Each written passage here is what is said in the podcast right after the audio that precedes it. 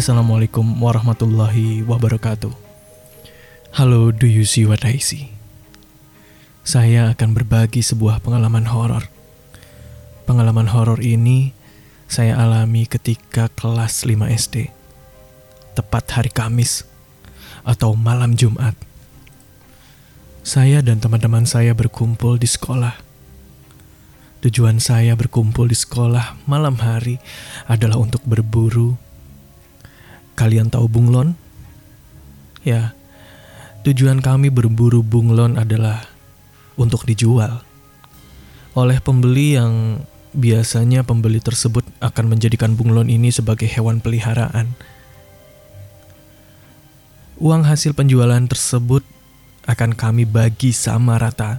Untuk mencari bunglon, kami harus berburu di bukit belakang sekolah.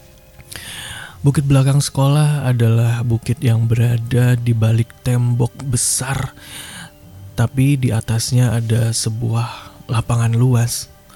Lapangan yang dipenuhi oleh ilalang dan rumput-rumput liar yang tinggi-tinggi. Singkat cerita, pada malam Jumat itu, kami mendaki bukit belakang sekolah untuk mulai perburuan dengan alat yang seadanya dan tentunya senter. Ya karena hanya senter yang jadi alat penerangan kami satu-satunya. Jujur aja, mencari bunglon pada malam hari adalah hal yang paling beresiko. Semoga kalian gak ikut-ikutan. Karena di mana tempat bunglon berada, biasanya banyak hewan liar lain yang berbahaya yang hidup di atas bukit belakang sekolah. Salah satu contohnya adalah ular. Akan sangat berbahaya tentunya kalau ada ular berbisa yang menggigit tanpa kamu sadari. Tapi kami sadari itu. Mungkin karena kenakalan masa kecil, ya akhirnya kami tetap berangkat. Karena memang sudah direncanakan juga jauh-jauh hari tapi tidak dengan izin orang tua. Sesampainya di bukit belakang sekolah, kami terus mencari dan 30 menit berlalu. Kami belum juga menemukan apa yang kami cari. Kami sepakat untuk beristirahat. Ya, dengan bekal seadanya yang bisa kami santap di tepian bukit. Sebentar, ketika saya minum dan menoleh ke sebelah kanan, saya melihat bangunan tua dua lantai. Hmm, bangunannya terbengkalai, masih belum jadi. Bisa saya pastikan itu proyek yang belum selesai. Jarak dari tempat saya beristirahat menuju bangunan tersebut kurang lebih 50 sampai 70 meter jauhnya. Dan ketika saya dengan seksama memperhatikan bangunan itu, saya melihat ada dua orang. Ya, sepasang lelaki dan perempuan di lantai satu. Yang perempuan seperti posisinya tidur terlentang dan yang laki-laki berada persis di atas perempuan itu. Saya nggak tahu apa yang mereka lakukan karena ya nggak ada penerangan di sana. Cuma cahaya bulan yang menghasilkan siluet-siluet bangunan dan bayangan dua orang asing itu. Gelap, gelap sekali. Saya diam-diam menyikut teman saya di sebelah.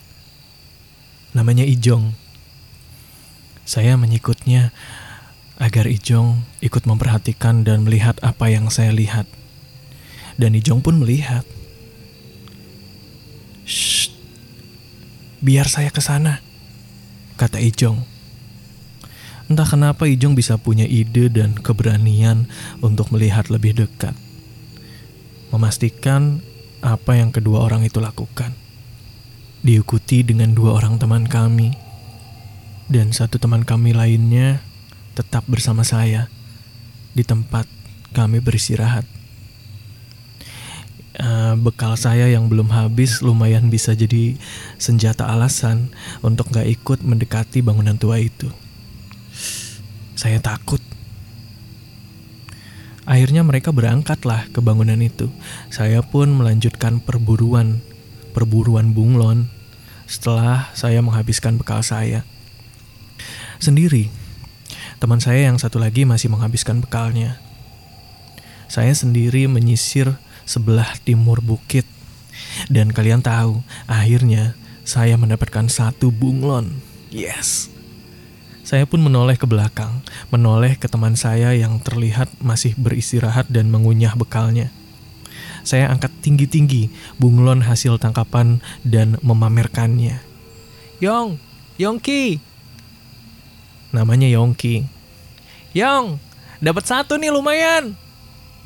Wih, akhirnya ketemu di mana tuh? Kata Yongki. Ini di sini banyak nih. Sini deh teriak saya. Seketika Yongki pun berdiri, bangun, berjalan mendekati saya. Tapi tiba-tiba dia menghentikan langkahnya. Berhenti, terdiam, terpaku dengan ekspresi wajah yang aneh. Napa? Teriak saya. Tanpa berkata-kata, Yongki menggerakkan tangannya kemudian menunjuk ke arah belakang saya. Begitu saya menoleh ke belakang, ada sekelompok orang yang berdiri di belakang saya. Yang jaraknya sekitar 20 meter. Mungkin 10 uh, enggak 20 orang mungkin sekumpulan orang itu seperti bayangan, bentuknya hitam dan berdiri seperti memperhatikan saya. Gelap. Saya nggak bisa melihat wajah mereka.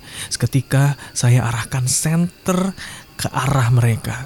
Dan seketika itu pula, senter saya tiba-tiba mati.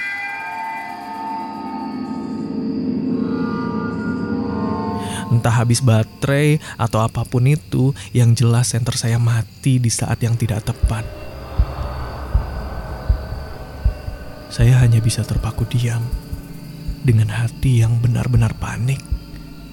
Tapi saya nggak tahu harus berbuat apa. Logika saya mencoba mencerna. Ngapain orang-orang itu di sini? Wajahnya benar-benar nggak kelihatan kalau boleh jujur, seharusnya cahaya bulan bisa sedikit memberi pantulan garis bentuk wajah atau minimalnya setelan pakaian mereka gitu. Tapi ini enggak, semuanya hitam. Seperti bayangan yang membentuk sekumpulan manusia. Lari. Iya, hanya itu yang membenak dalam pikiran saya. Belum saja saya menggerakkan kaki, saya mendengar teriakan dari arah lain. Itu Ijong. Ijong dan teman-teman saya yang tadi mendekati bangunan tua itu. Mereka berteriak sambil lari. Jong, kenapa lari? Mereka terus berteriak dan berlari. Sepersekian detik saya pun kembali menoleh ke sekumpulan bayangan orang tadi. Mereka tiba-tiba menggerakkan kakinya dan mulai berlari ke arah saya. Anehnya, tiba-tiba dari wajah mereka muncul mata berwarna merah. Merah menyala, merah semerah-merahnya. Saya melihat ke arah Yongki, tapi Yongki sudah lari duluan. Saya pun ikut lari, disusul Ijong dan dua orang teman kami dari arah bangunan tua. Kami lari bersama, sekencang-kencangnya, sampai saya sempat jatuh terjungkal. Sampai-sampai tangan dan kaki saya lecet-lecet. Kami kabur, kabur ke rumah Ijong yang kebetulan letaknya tak jauh dari sekolah. Dan sesampainya di sana, kami susah payah mengatur nafas, mengusap keringat dingin kami yang terus-terusan mengalir. Sambil menatap satu sama lain tanpa berucap apa-apa. Saya pun mendahului buka suara untuk bertanya. Jong, kenapa kamu lari? Ijong pun menjawab. Sepasang laki-laki dan perempuan yang kita lihat itu awalnya saya kira lagi berbuat mesum, ternyata bukan.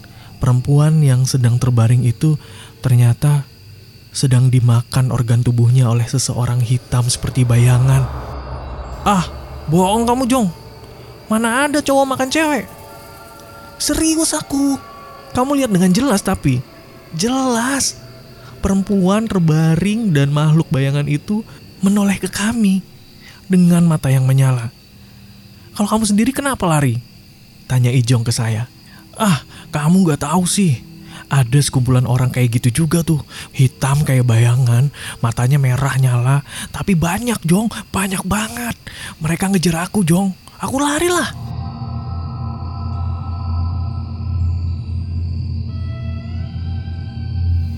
Setelah beristirahat sejenak, Tiba-tiba saya teringat sesuatu. Ah, sial. Saya menutup wajah dan menyesali sesuatu. Senter saya, Jong. Kenapa? Tanya Ijong. Jatuh tadi pas saya jatuh ke jungkel. Matilah saya, karena saya harus mengembalikan senter itu ke bapak saya. Bisa habis dipukuli saya. Saya memohon pun rasa-rasanya percuma untuk meminta teman-teman saya kembali ke bukit belakang sekolah untuk mencari senter ayah saya yang jatuh. Sudah bisa ditebak, mereka menolak. Mereka hanya bersedia meminjamkan senter mereka saja. Dan akhirnya saya pun pergi sendiri dengan menggerutu, mengutuk diri sendiri. Seperti yang saya duga, karena saya tahu persis tempat saya terjatuh tadi dengan mudah saya bisa menemukan senter saya. Saya memungutnya dengan posisi seperti ruku. Setelah menjangkaunya, saya tiba-tiba saya melihat sekerumunan orang itu lagi. Tapi kali ini mereka tidak berdiri melihat saya, melainkan menundukkan kepalanya. Kemudian salah satu di antara mereka ada yang berjalan pelan mendekati saya. masih dengan kepala tertunduk. Saya ikut melangkah mundur, gemetar, sampai saya nggak sengaja menginjak, mematahkan ranting pohon yang sudah kering dengan suara yang cukup keras. Seketika itu juga, wajah mereka menengadah, menatap saya, dan lagi-lagi hanya mata merah menyala yang bisa saya lihat. Tanpa berpikir apa-apa, saya pun langsung kabur, lari sekencang-kencangnya. Sambil berlari, saya menoleh ke belakang. Mereka semua berdiri di tepian bukit sambil tetap memperhatikan saya. Saya terus berlari sampai akhirnya saya sampai kembali di rumah Ijong.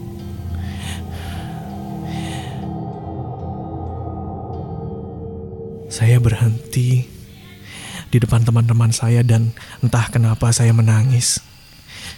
Bergetar dengan nafas menderu yang gak beraturan.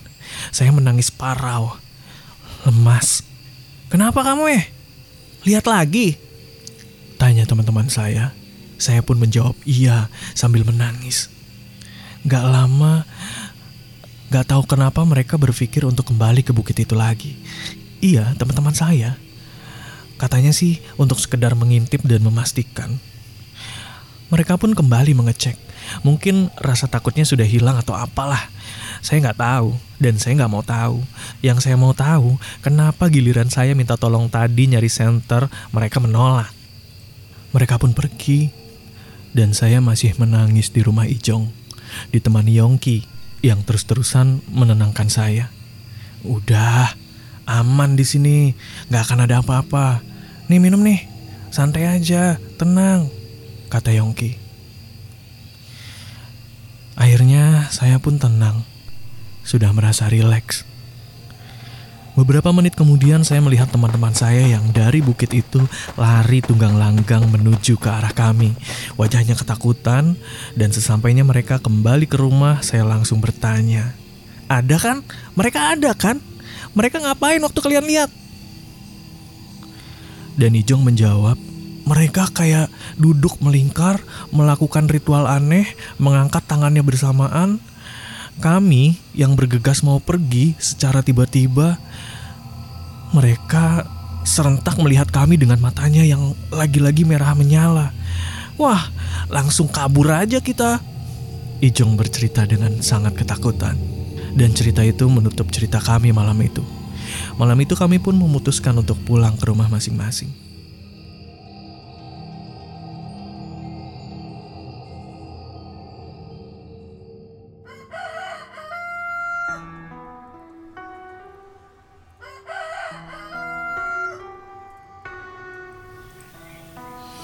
Esoknya, kami sekolah seperti biasa.